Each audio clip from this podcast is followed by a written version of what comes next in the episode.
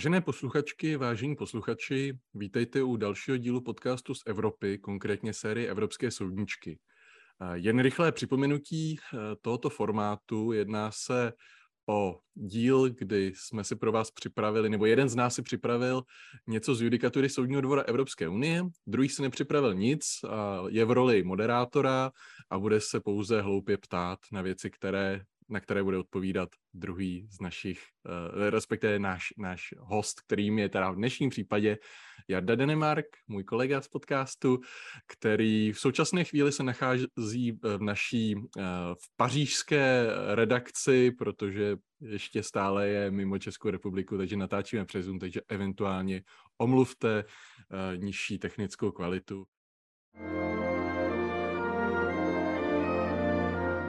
Jdeme na to. Co, jste, co jsi pro nás dneska připravil, Jardo? Uh, díky, Michale. Uh, já taky uh, zdravím naše posluchačky, naše posluchače, samozřejmě tebe zpátky do Česka.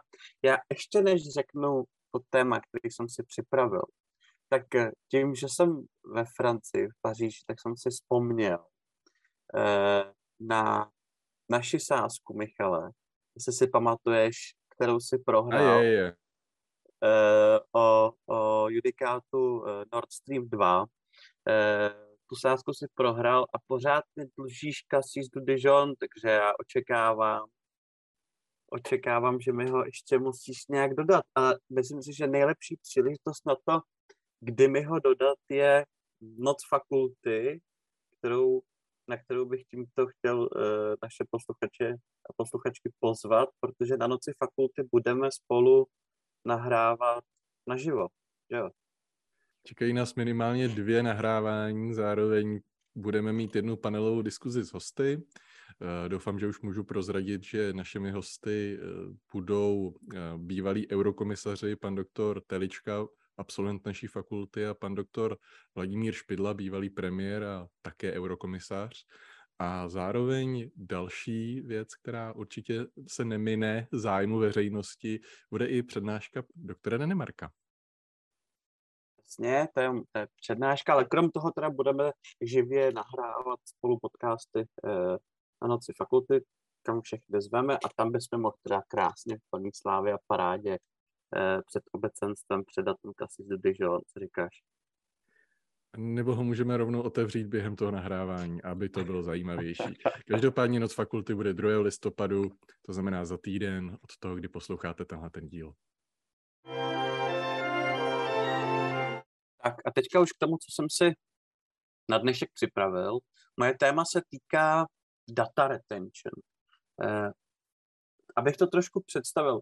Michale, věděl si, že všichni provozovatelé eh, služeb elektronických komunikací eh, uchovávají veškerá tvoje provozní a lokalizační data, to znamená veškeré tvé provozní a lokalizační údaje z mobilu a eh, z dalších zařízení i při používání internetu, takže z počítače a tabletu. Eh, a tato data uchovávají minimálně půl roku, přičemž orgány v trestním řízením a další orgány jako třeba Bezpečnostní informační služba. Eh, na spravodajci, že jo? Spravodajci, jasně, nebo i Česká národní banka eh, se k těmto údajům můžou dostat? Uh, věděl jsem to. Překvapím tě. Ne, to, to je asi tak všechno, co o data retention vím, ale tohle zrovna, tohle zrovna jsem nějak tak trochu tušil. Je to samozřejmě výhodné, zejména ve chvíli, kdy si Česká národní banka potřebuje zkontrolovat, jakou tou cestou člověk v pátek večer šel, že jo? Mm-hmm. Uh, no, vlastně v zásadě je to tak, jak říkáš, to je to nebezpečí těch provozních a lokalizačních údajů.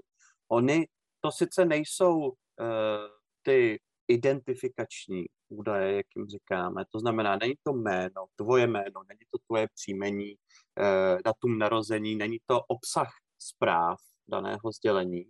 Nicméně jsou to údaje typu odkud voláš, kam voláš, kde se připojuješ na internet, jakému číslu voláš, jaké číslo volá tobě, jak dlouho si voláte, i třeba případně eh, třeba případně to, že se s někomu nedovolal, tak všechno toto data jsou uchovávána, takzvaná eh, provozní metadata. Eh, A na základě těchto dat lze vytvořit velmi podrobný profil člověka. My sice neznáme e, obsah těch zpráv, ale víme, jak se pohybuješ, kam jdeš, kde jsi byl, kde býváš často, odkud se připoješ, s kým mluvíš a tak dále. To znamená třeba, když půjdu se svým mobilním telefonem na procházku do lékárny a budu chodit do lékárny třeba každý 14 dní, tak kterýkoliv z těch orgánů, které k tomu mají přístupy, tak asi budou tušit, že si třeba pravidelně kupují nějaké léky. Jo, je to tak?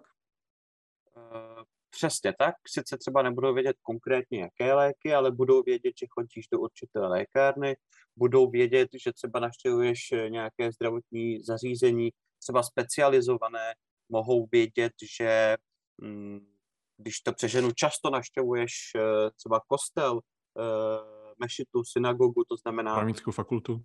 Právnickou fakultu, takže můžou vidět, kde se vzděláváš, případně kde pracuješ, eh, zřejmě i tvoje vyznání, eh, ale i orientaci eh, a samozřejmě také, jak si, jak si, jak si indikoval už nějaké zdravotní informace. To znamená i velmi citlivé informace, kategorie těch citlivých informací. Zdá se ti tohle jako velký zásah do tvého soukromí? Tak teď jako mě napadá takový to krásný heslo, že jako kdo eh, nepotřebuje nic schovávat, tak ten se bát nemusí, ale, ale samozřejmě, samozřejmě člověk nikdy neví, kdo jako na té druhé straně je a proč zrovna si ty věci eh, nachází. Samozřejmě jako jedna stránka je nějaký, řekněme, jako legitimní zájem v rámci činnosti těch příslušných orgánů, ale na druhou stranu samozřejmě jako tam nesedí nějaký jako abstraktní orgán, ale sedí tam nějaký konkrétní člověk, který může být si vždycky vzpomenu takové, takové ty, ty, ty, ty akční filmy. Zavolám známýmu z FBI a ten mi zjistí jako většinou takové ty SPZky a podobné věci, ale asi, asi by uměli zjistit i něco podobného takového, takže... Přesně tak a o tom, o tom vlastně eh, je, eh, jsou ty dnešní soudničky, eh, protože my máme nějaký názor na danou věc daný soudním dvorem Evropské unie a zároveň máme eh, na danou věc daný názor našeho Českého ústavního soudu a také tady v České republice máme přijatou určitou úpravu, která je sice dle našeho ústavního soudu eh, souladná s ústavním pořádkem, nicméně, eh, tak jak jsem to analyzoval, tak není souladná s tím, co říká Soudní dvůr Evropské unie. To byl takový ten případ, kdy eh, Česká republika transponovala směrnici a potom ji soudní dvůr zrušil, ale Český ústavní soud řekl, že se to teda rušit nemá, protože si to můžeme teda stanovit v rámci nějaké naší vnitrostátní volnosti, diskrece. Ano, přesně tak, je to tak. E, v zásadě jako první takový právní základ té úpravy data retention, ještě předtím, než byla přijatá na úrovni Evropské unie směrnice o uchování osobních údajů, eh, tak tím hlavním právním základem zřejmě je směrnice o soukromí a elektronických komunikacích. To je dneska normálně platná směrnice, už se tady připravuje nařízení o soukromí a elektronických komunikacích, ale dneska máme směrnici o soukromí a elektronických komunikacích, která obecně eh, rozvíjí to, co je stanoveno v GDPR, eh, dříve tedy ve směrnici o zpracování osobních údajů. A ta směrnice obecně říká, eh, že je zakázáno ukládání eh, provozovatelům veřejné komunikační sítě a dalších služeb elektronických komunikacích je zakázáno ukládat veškerá metadata, právě lokalizační a provozní údaje uživatelů. To je takový obecný zákaz stanovený touto směrnicí. Nicméně v článku 15 odstavec 1 je stanoveno, že členské státy mohou přijmout legislativní opatření, opatření, kterými omezí rozsah práv a povinností uvedených v této směrnici.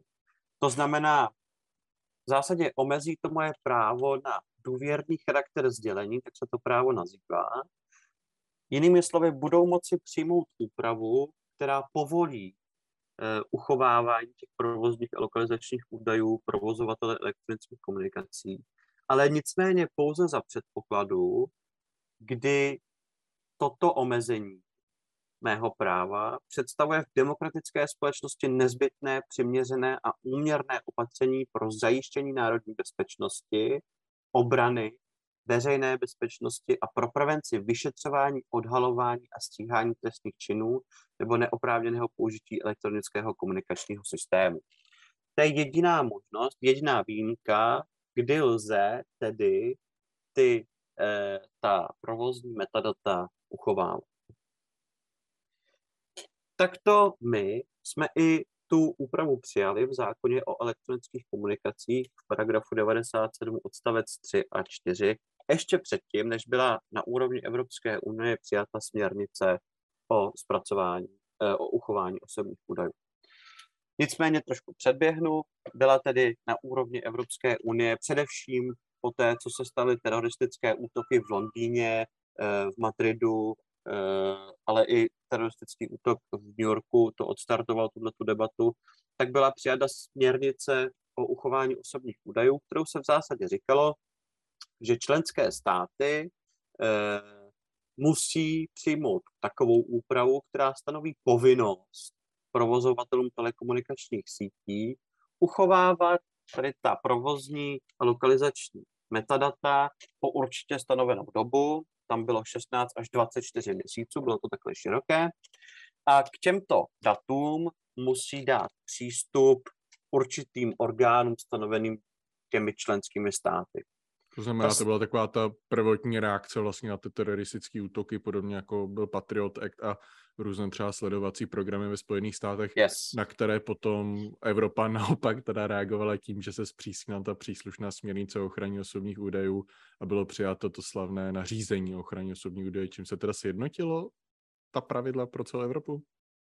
Uh, myslíš, myslíš tou směrnici o data retention? Jo, jo, přes... no, já jsem, já jsem teda myslel GDPR, uh, což no, je vlastně jako vedlejší, vedlejší větev tohohle příběhu. Jasně, jasně. GDPR je trošičku vedle, tam by se to jako mělo, mělo uh, sjednotit ta úprava uh, pro ty jednotlivé členské státy. Nicméně tady to Data Retention Directive původně, když se o tom ty členské státy začaly bavit, tak si říkali, a pamatujme na to, že to bylo ještě v době, kdy existovaly tři pilíře, Eh, tak data retention ty státy chtěly přijmout proto, aby mezi sebou mohly lépe spolupracovat na té justiční, justiční eh, v té justiční zóně. Na, při, spolupracovat při tom odhalování a prevenci závažných trestných činů, teroristických trestných činů a tak podobně. Prostor eh, svobody, bezpečnosti a práva. Přesně tak. A kdyby to mělo být tedy přijímáno tímto způsobem, tak ta směrnice by musela být přijata eh, na půdě Rady Evropské unie jednomyslně těmi státy, protože to právě bylo v tom, v tom eh, třetím pilíři, že Znamená, že by to eh. navíc asi nebyla ani směrnice, ale rámcové rozhodnutí? Přesně tak, bylo by to rámcové rozhodnutí. Nicméně Evropská komise se rozhodla tehdy jít trošičku jinou cestou a chtěla tady tu e, směrnici o data retention přijmout prostřednictvím nebo v působnosti prvního pilíře tehdy to znamená v rámci té komunitární politiky, toho komunitárního práva, protože říkala, no ta směrnice má především harmonizovat to, eh, jak fungují poskytovatelé služeb elektronických komunikací, telekomunikačních sítí, to znamená, upravuje nám tady něco na vnitřním trhu a mělo by to být přijato eh, v mezích prvního pilíře. Eh, což se nakonec i stalo. Což se nakonec i stalo. Eh, nicméně eh, Slovensk, Irsko eh, se Slovenskou republikou podalo následně žalobu na neplatnost takto přijatého aktu, protože to přijetí to přijetí v mezích toho prvního pilíře bylo velmi problematické podala tedy žalobu na neplatnost soudnímu dvoru Evropské unie, nicméně soudní dvůr Evropské unie to smáznul se stolu a říkal, ne, ne, ne, přijetí v rámci prvního pilíře je v pořádku, směrnice je platná. Ale nezabýval se meritem té dané věci jako takové. Eh, no, až následně, eh, někdy v roce, někdy v roce 2012, eh, podala aktivistická skupina zabývající se soukromí osob, pocházející z Irska, Digital Rights Ireland, žalobu v Irsku na to, že z jejího mobilního telefonu jsou ukládány údaje, že se jí to nelíbí. No, postupně se to soudní soustavu dostalo až jako předběžná otázka k soudnímu dvoru Evropské unie a ten se tedy poprvé zabýval otázkou, zda je ta směrnice o uchování osobních údajů, ta Data Retention Directive, vůbec platná s ohledem na soulad se základními lidskými právy, tedy především s právem na soukromí. S právem na soukromí Eh, a s právem na ochranu osobních údajů.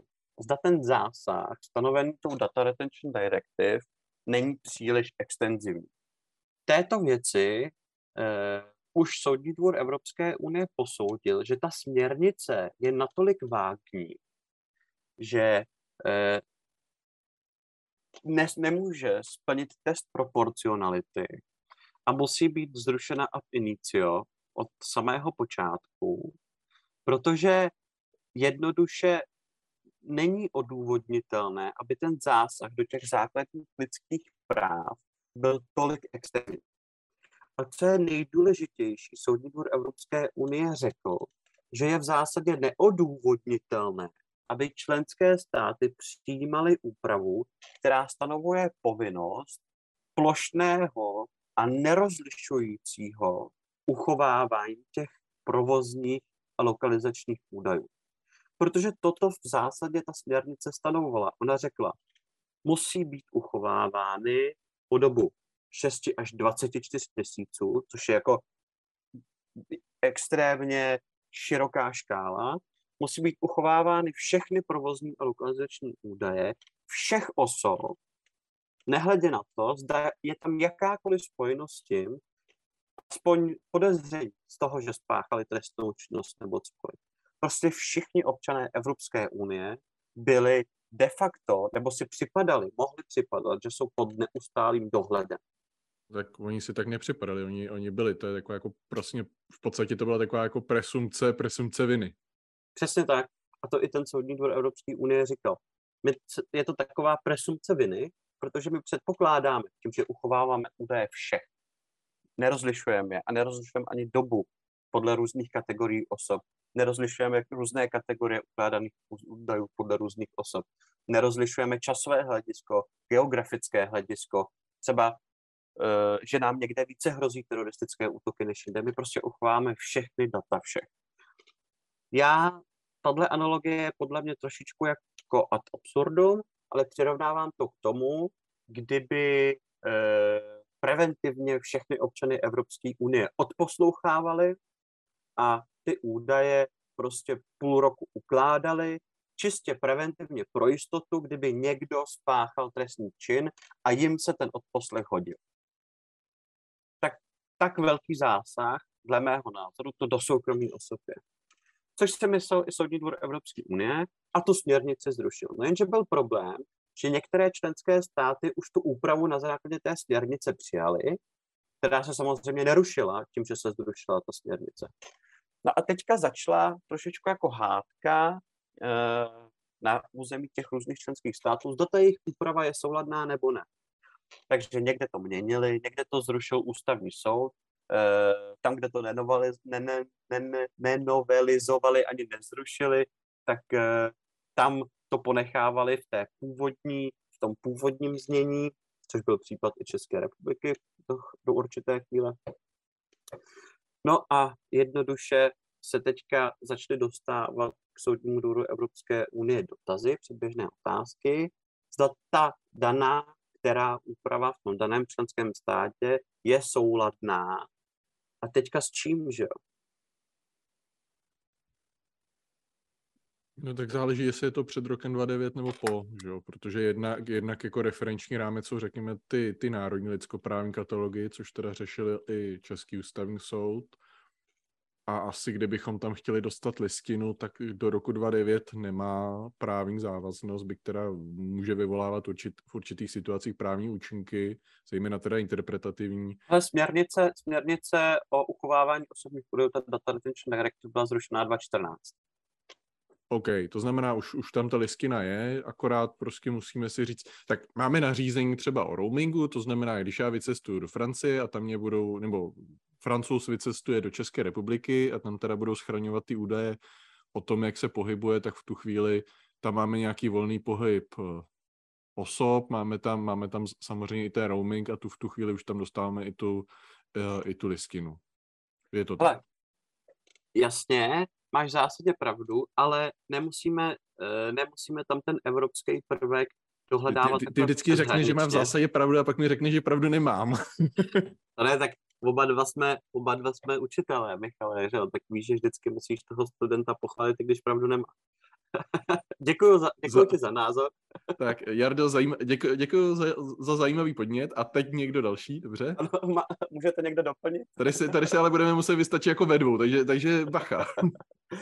Eh, ne, určitě máš pravdu v tom, že tam musí být, jako to, tohle si řekl dobře, že pokud chceme aplikovat tu listinu nebo dovozovat nějaká ta práva z listiny základních práv Evropské unie, tak tam musíme najít nějaký ten evropský prvek.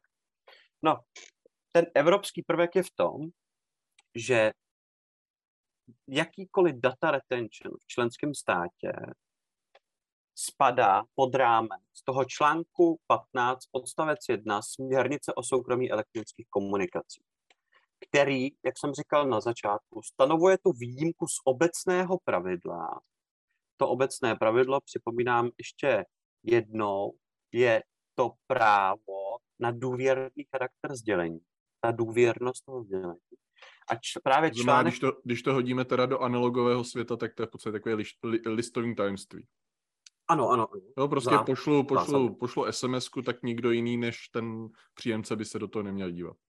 Ano, v zásadě, a, jako ale pozor, právě do toho listovního tajemství, což řekl i náš ústavní soud, který se taky zabýval uh, platností ty naší právní úpravy, tady na národní úrovni, tak do toho listovního tajemství spadá i ochrana těch metadat. To znamená, to listovní tajemství v sobě nezahrnuje jenom ochranu obsahu těch zpráv, obsah toho sdělení, ale i ta lokalizační a provozní metadata. Tedy ten evropský prvek dovozujeme z článku 15 odstavec 1 směrnice o soukromí a, a, a elektronických komunikacích, který stanovuje výjimku z toho práva na e, důvěrnost sdělení, právě kterou jsem říkal při odhalování závažných trestných činů, e, národní bezpečnosti a tak dále. No a teďka se tedy začali ptát e, ty jednotlivé členské státy, zda ta jejich úprava je tedy souladná s evropským právem. Tedy zda se vejde do té výjimky stanovené článkem 15 odstavec 1. No a to je zajímavé, protože ve všech judikátech ten soudní dvor Evropské unie opakuje uh, po vzoru toho uh, Digital Rights Ireland uh, rozsudku, že nemůže být odůvodnitelné to plošné a nerozlišující uchovávání osobních Eh, těch, těch lokalizačních a provozních metadat. Jedinou výjimku, kdy to možné je, stanovil eh, v judikátu eh, částečně Privacy International. My vám zase dáme, jako vždy, jako vždy vám dáme do popisku jednotlivé odkazy na ty spisové značky. A pak především posledním rozsudku Eh, vyneseném soudním dvorem Evropské unie zatím v této věci data retention. Eh, ten eh, rozsudek nese populární název La Quadrature du Net, kde v zásadě říká, kdy, že je možné to plošné a nerozlišující uchovávání osobních údajů v případě, akorát v jednom případě Soudní dvůr Evropské unie řekl, že je možné plošné a nerozlišující předávání, tedy nikoli uchovávání, ale předávání lokalizačních údajů. A to v případě, eh, a to pouze spravodajským službám za účelem národní bezpečnosti. Ale ta, to ohrožení té národní bezpečnosti musí být eh, zvláště závažné, musí být aktuální, musí být odůvodnitelné a musí být reálné. Takže tam zase stanovuje velmi přísná hlediska i pro to předávání. Nicméně to uchovávání Promiň, Michal, chceš... Jo, on, on, ono samozřejmě to znamená, tam je potřeba to odlišit od těch všech ostatních uh, subjektů, které tohle to můžou dělat, zejména teda ty orgány činné v trestním řízení, protože eh, i že tohle to se nedávno řešilo, že ve chvíli, kdy máme třeba nějaké odposlechy, eh, které používají zpravodajci, tak se nedají použít v rámci trestního řízení, protože ta pravidla jsou jako měkčí. Takže to samé vlastně v tomhle případě je možné vlastně ta hromad, mhm. to hromadné sledování ale jako v určitých situacích, to znamená, i když víme, že ten člověk je terorista, tak ho můžeme nějakým způsobem jako eliminovat, ale nemůžeme ho teda jako trestně stíhat, protože jsme získali ty, nebo jako mnohem složitěji ho můžeme trestně stíhat, protože ty důkazy jsme obstarávali jako za jiného, za jiné mm. úrovně za, za, zajištění vlastně spravedlivého procesu. Že? Mm. Teda asi spadá i na tu Českou národní banku, předpokládám. Uh, u té u České národní banky je to s ohledem, nebo ten cíl, účel je ochrana kapitálového trhu. Mm, no. Ono, ono jako dost podobně, myslím, chtěl něco podobného i úhos, jestli se nepletu. To znamená tyhle, ty, tyhle ty údaje, eh, ale no, nedopadlo to minimálně. Jako já, já se nedivím, protože u nás, tak jak jsem to posuzoval, tak ani ta úprava, která je v zákoně o bezpečnostní informační službě, není souladná s evropským právem, protože tam nejsou stanovena žádná objektivní hlediska, na základě kterých si může bezpečnostní informační služba ty metadata vyžádat. Takže byť bylo stanoveno soudním dvorem Evropské unie, že v určitém případě velmi úzce vymezeném a velmi striktním si lze plošně vyžádat ta metadata, vyžádat, předat, jo, ne, ne uchovávat, ale předat. Tak eh, prostě ale ne, nelze tento případ aplikovat na Českou republiku, protože tam ta žádná objektivní hlediska stanovená nejsou. Uh, já jenom chci dodat, že uh, provozovatelé telekomunikačních sítí určitá metadata provozní uchovávají i na základě jiných právních předpisů, než je tady ta povinnost, o které se bavím, bavíme, ta povinnost data retention.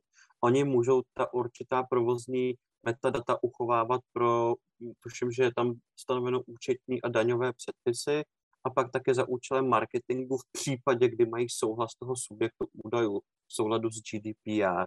Takže tato da- data by případně šla předat BISce, kdyby ta úprava ale byla souladná s tím, co říká Soudní dvůr Evropské unie, což není. No, já jsem, já jsem trošku se chtěl zeptat zase, abych si zahrál na ďáblova advokáta, protože bavíme se o tom, že zpravodajské služby mají zajišťovat vlastně takovou tu, jako tu první linii obrany státu a jeho, jeho celistvosti obrany demokratického zřízení. To znamená, je to, je to jako skutečně ta linie, která jako má chránit tu podstatu toho státu. A teď samozřejmě my si můžeme do jisté míry hrát jako trošku jako na právnický šachy a samozřejmě ty lidská práva e, velmi často, a ty, ty jo, a hrajou si na ďáblova advokáta, jo, zase neberte mě doslov.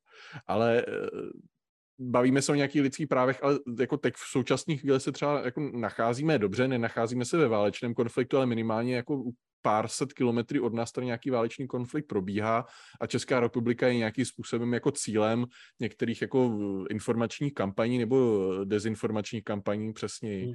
A teď ve chvíli, kdy si jako řekneme, dobře, jasně lidská práva, ale na druhou stranu nějakým způsobem ten stát musí jako chránit tu svoji, tu svoji eh, identitu, tu svoji mhm. bezpečnost a eh, ve chvíli, kdy prostě stanovíme jako velmi přísná pravidla, která navíc stanovujeme, teda eh, tato judikatura dobře, vzniká, že jo, celá tato data retention vzniká v době teroristických útoků.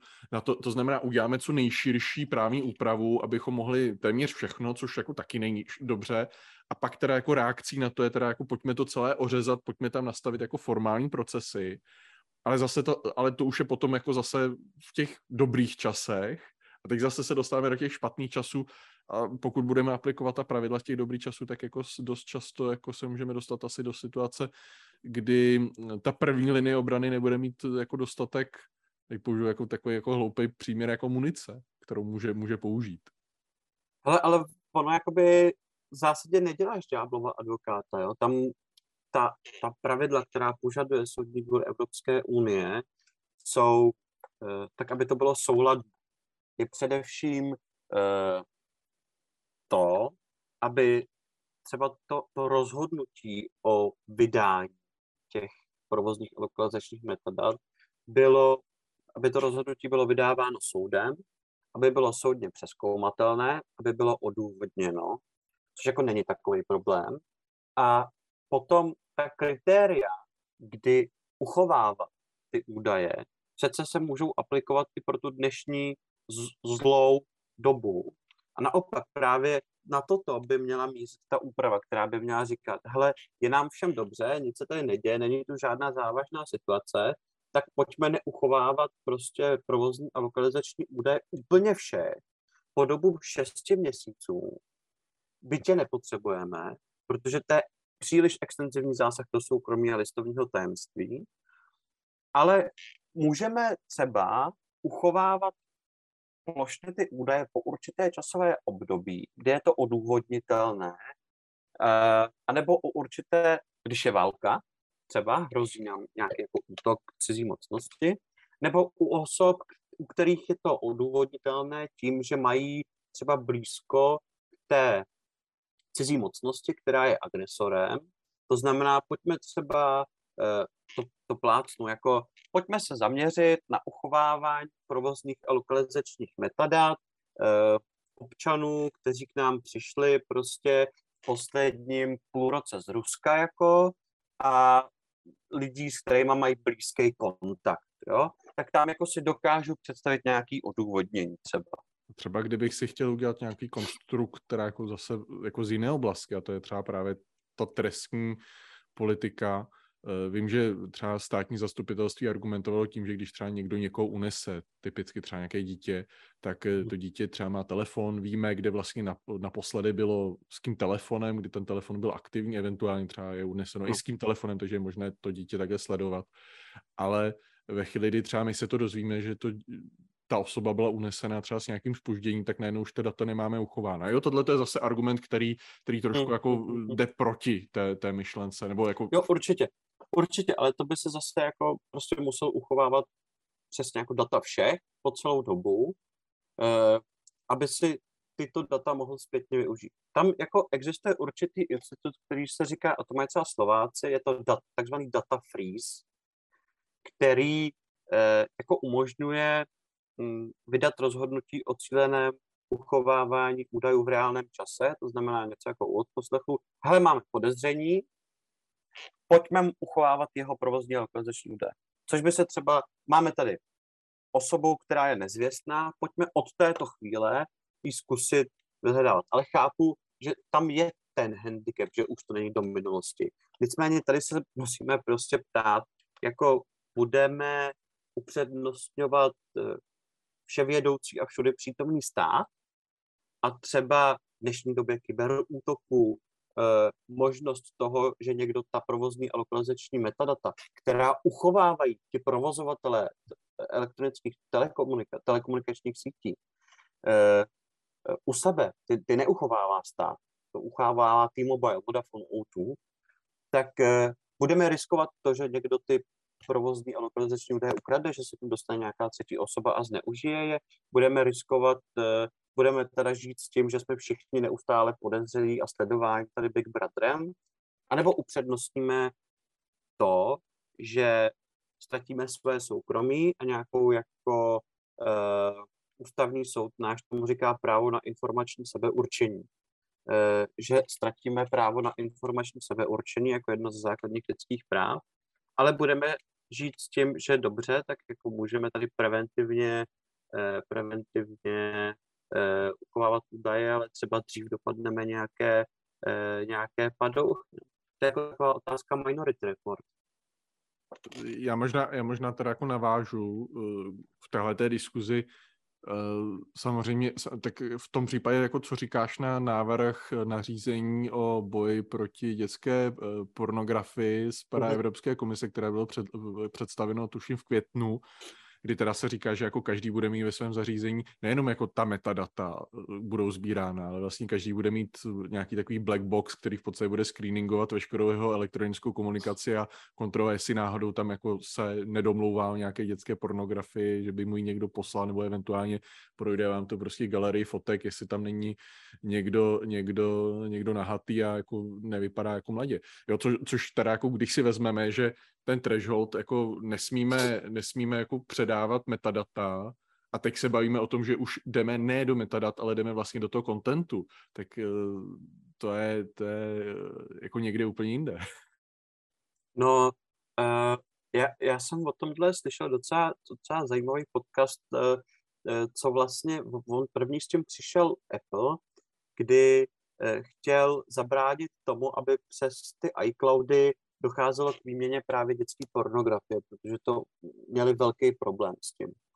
A zavedli takový algoritmus, kdy se domluvili s americkou centrálou boje proti dětské e, pornografii, nebo tak, tak nějak, nevím přesně ten název, ono už je to nějakou dobu, co jsem to slyšel, ten podcast, a oni jim poskytli svoji databázi jako dětské pornografie a oni na základě těch obrázků vytvořili určité e, jako kódy, které porovnávají. Mě, mě teda pro mě, mě napadlo, že to je vlastně jako snová práce jít pracovat do takovýhle společnosti, když jako někdo má tuhle preference, jako když je společnost, která jako proti tomu bojuje, tak má tu databázi. No, to je hrozný. No, to tak jako dává to smysl. Jako. No, tak uh, udělej z těch obrázků jako určitý kódy prostě a ty kódy potom porovnávají uh, s jinými kódy, které jsou zase vytvořeny na základě těch obrázků, který ty nahráváš do toho iCloudu, kde jakoby nejsou, nikdo neporovnává žádné obrázky s žádnými, protože ty kódy nemůžou být přetransformovány zpátky do těch obrázků, ale jednoduše jsou porovnávány jenom kódy s kódama. Úskalí tohohle toho je, že ten algoritmus vyhodnotil třeba několik fotografií opic že jsou jakoby dětskou pornografii, takže to taky není chybový. A tam je to nastavené tak, nebo Apple to chtěl nastavit tak, že pokud to třikrát zachytí jakoby tady ten obrázek, tak to volá automaticky upozorně policii. No, nevím, jak to chce dělat Evropská komise, ale jako tohle je jedna z možných cest. Nedokážu si ale představit, že by nějakým algoritmem ještě k tomu automatizovaně kdy máme článek 22 GDPR, tuším, že to je, který chrání před, to, před tím automatizovaným zpracováním. Vlastně Nedokážu si představit, a i ve světle judikátu o data privacy, o, o mm, data retention, že by tohle nějakým způsobem prošlo. No. No, no, otázka jako jestli se, jo, zase, můžeme se bavit o tom, jestli se nezměnila doba, jestli se, ne, jestli se nevyvine i ta legislativa a zejména teda i ta judikatura, ale, ale, ten přístup... ale, ale, ale mimo jiný teda, jako když se bavíme třeba o safe havens, to znamená těch bezpečných uh, přístavech a o tom, jestli je možné předávat uh, osobní údaje eh, na servery, které jsou mimo území Evropské unie, konkrétně teda Spojených států, což byl přesně jako ta kauza kolem Snowdena a podobně, tak tam vlastně tyhle ty black boxy sice existovaly, NSA tyhle black boxy měla, ale vlastně musel být aktivovány, zatímco tady teda v tom nařízení se baví o tom, že by tam byl jako automaticky aktivovaný jako u všech.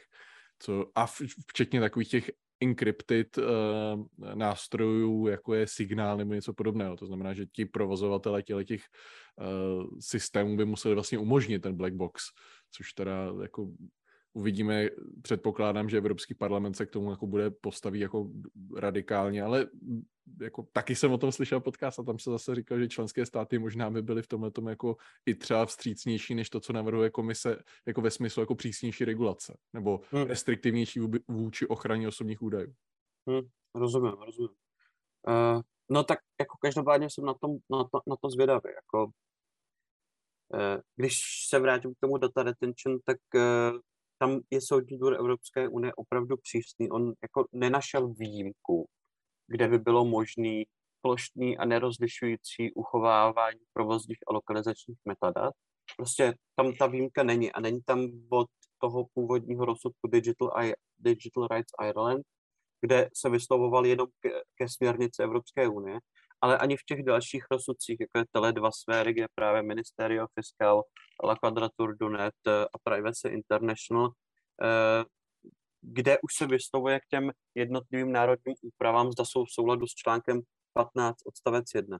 Protože nejvíc tomu soudnímu dvoru Evropské unie vadí, že ten článek 15 odstavec 1 stanovuje výjimku z toho obecného pravidla na, na, na, tu, na ochranu té komunikace, na to informační sebeurčení. Tam je prostě jenom striktně stanovená výjimka, ale může se to porušit, tady to právo za těchto je, jako stanovených pravidel. Ale ty členské státy, včetně České republiky, z té výjimky dělají pravidlo. U nás jako v zásadě neexistuje to právo, e, právo na důvěrný charakter sdělení, protože u nás je pravidlem, který se odvolává na výjimku v článku 15 odstavec 1, ale u nás je pravidlem, že se plošně a nerozlišují, nerozlišujíce uchovávají e, ta provozní lokalizační metadata. Jo. Takže když s výjimkou uděláš pravidlo, je to podle soudního dvora Evropské unie v tomto případě špatně a ta naše česká právní úprava jednoduše není a nemůže být eurokonformní. To znamená zkusit si nějakou jako strategickou litigaci a zkusit to skrz předběžnou otázku? Jo, jo, jo, to jsem se říkal, no. E, to by bylo docela zajímavé. A nebo, nebo zkusit rovnou jako, to by bylo jako složitější, ale jít rovnou jako tím Frankovičem, že ti vzniká nějaká jako minimálně třeba Škoda, nějaká psychická ujma. ujma to jsem si prostě... taky říkal. No. A, a v rámci toho by mohla být ta předběžná otázka. Přesně tak, přesně tak, to jsem si taky jako říkal, že eh, by se mohl najít nějaký odvážlivec, který by za, za, zažaloval Českou republiku. A já jsem si stoprocentně přesvědčený o tom, že ta česká právní úprava by prostě ve světle rozsudku Soudního dvora Evropské unie nemohla obstát. Prostě nemohla obstát, protože v každém z těch pěti rozsudků je explicitně stanoveno, že prostě plošné a nerozlišující uh, uchovávání je neodůvodnitelné. Takže jsem, si sto, jsem stoprocentně přesvědčený, že ten soudní dvůr Evropské unie by se k tomu postavil tak jako ve všech předešlých případech. Otázkou je, co by z toho vyvodili české soudy. No, tak muselo by se, že teď je otázka, ještě další věc. Ústavní soud se k tomu nějakým způsobem postavil, to znamená, postavil. je tady otázka nějaké res judikáty, samozřejmě by se musel nějakým způsobem odlišit, proč to res judikáta není, no, aby on... se to zdalo zrušit a ještě teda jako jít, jít jako, myslíš si, že by se třeba na základě té směrnice dalo jít jako tvrdě, že by si šel cestou eh, jako neaplikovat prostě právní předpis, protože je v rozporu s evropským právem? No ano, on toto třeba právě udělal švédský, eh, švédský telekomunikační úřad, nebo eh, ve Švédsku jeden provozovatel elektronických komunikací, to je ten případ Tele2 Sverige, který byl před soudním dvorem Evropské unie, tak tam eh, po zrušení Data Retention Directive tam přesně měli úpravu ve Švédsku toho nerozlišujícího plošního uchovávání a nutnost předat to orgánům čím trestním řízení. No a po zrušení Data Retention Directive, potom rozsudku Digital Rights Ireland, přišli policajti za tímhle provozovatelem telekomunikační sítě a řekli, hele, naval, naval prostě uchovávaný údaje. Oni řekli, ne, ne, my vám je nedáme a my už to ani nebudeme uchovávat, protože to prostě není v souladu s tím, co říká Soudní dvůr Evropské unie. A oni řekli, no to nám teda dáte, protože naše národní úprava říká, že to musíte uchovávat, že nám to prostě musíte vydat. Oni řekli, ne, prostě ne. Takže se to dostalo tam uh, nejdřív před správní orgány, k soudu. No a soud vyslovil právě předběžnou otázku, hele, je ta naše národní úprava v souladu jako s tím, co říkáte Soudní dvůr Evropské unie v Digital Rights Ne, tak pozor, ale na tohle Soudní dvůr řekl, že jestli je národní úprava v souladu, tak to nemůže posoudit. Nicméně, když už se tak ptáte, tak... Ano, přesně tak, přesně tak, dobře, tak já to preformuju. Uh, je evropské, má, být Evrop, má být evropské právo vykládáno v tom smyslu, že nepovoluje národní úpravu, která takže takto se zeptali. A Soudní dvůr Evropské unie řekl, hele, eh, jasně, my to teďka posuzujeme v mezích toho článku 15 odstavec 1 směrnice o soukromí a elektronických komunikací, kde je stanovena ta výjimka, kde je ten právní základ. A tady ta úprava, kterou vy máte, plošní a nerozlišující uchovávání osobních bojů, prostě nespadá do té výjimky v článku 15 odstavec 1. A takže ta vaše ten článek 15 odstavec 1 směrnice o elektronických komunikacích, o soukromých elektronických komunikacích musí být vykládán v tom smyslu, že brání právní úpravě členského státu, která stanovuje povinnost plošného a nerozlišujícího uchovávání lokalizačních a provozních údajů. No tak to vypadá, že by, eh, abych citoval doktora Stašu, to vypadá na zajímavý judikát. No, zejména asi teda nejvyššího správního soudu předpokládám, kam by se to postupně dostalo, když by došlo ke sporu mezi tím pro, provozovatelem a s, asi nějakým orgánem. Teď otázka, jestli já, si, já se furt vracím té či nebo pro mě překvapila, že, že tohle pravomoc má, ale, ale asi, asi předpokládám jako orgán činný v trestním řízení, proto je právě před tím ústavním soudem jako amicus curiae eh, vystupovali poměrně aktivně státní zástupci, kteří právě říkali, že, že by zrušení tohohle pravidla vlastně velmi stížilo jejich, nebo jako ano. obecně práci orgánů činných v trestním řízení. No, státní zástupce, byla tam Bradáčova a za státní zástupce jako jediná. Eh, no ale třeba za advokáty tam byl Sokol a za obhájce a ten říkal, ale to je úplně jako, jako minoritní institut, jako já nevím, o čem se tady bavíme, to je úplná jako blbost, jo.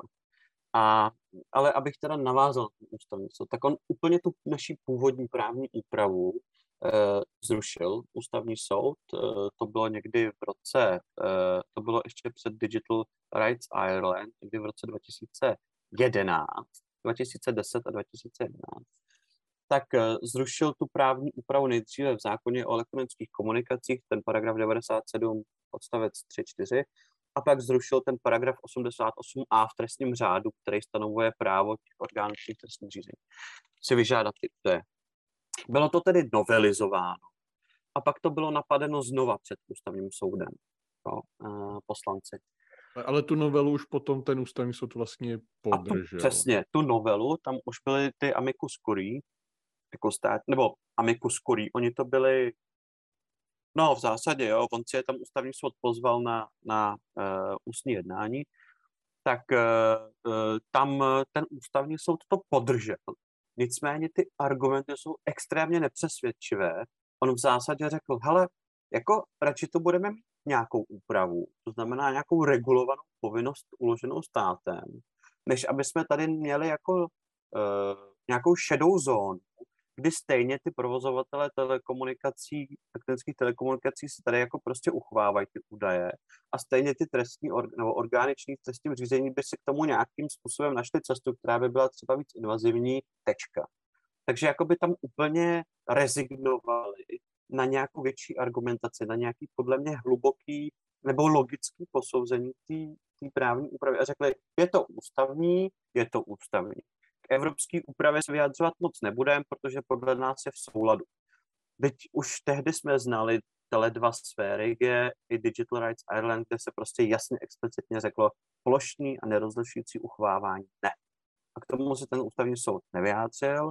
Vyjádřila se k tomu v disentu Kateřina Šimáčková, která výborně schrnula to, proč by ta úprava měla být zrušena Česká.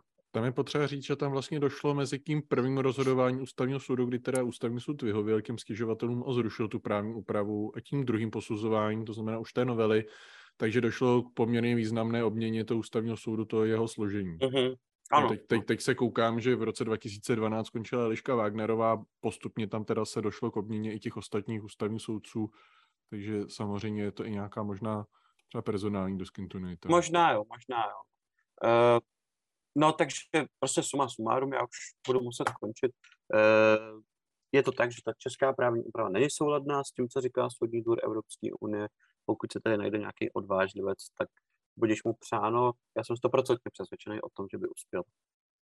A uděláš, uděláš taky nějaký amicus brief, že by si poslal jako ústavnímu soudu eventuálně, jakože... Ale tak mohl bych, protože teď, teďka tady, když dopadne dobře recenzní řízení, tak uh, vyjde právě článek o tomhle tom v jurisprudenci, tak bych to tam poslal. No.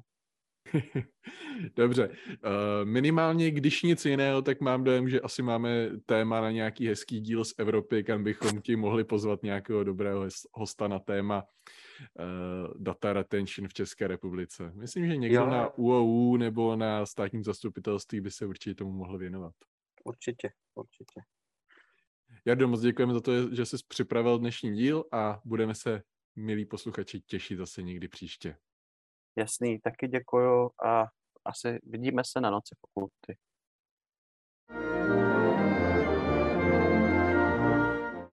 Cink, cink, cink, dostali jste se na konec epizody a moc děkujeme za to, že jste nás poslouchali až do konce. Určitě nám dejte like, určitě nás odebírejte a budeme se na vás těšit při příštím díle. A pokud se vám díl líbil, pošlete nám zpětnou vazbu, pošlete nám to na e-mail z Evropy pošlete to svým známým, hoďte si to do storíčka na Instagramu, cokoliv. Budeme za to moc rádi, jak se to dostane co k největšímu množství lidí, které by to mohlo zajímat. Děkujeme, mějte se hezky.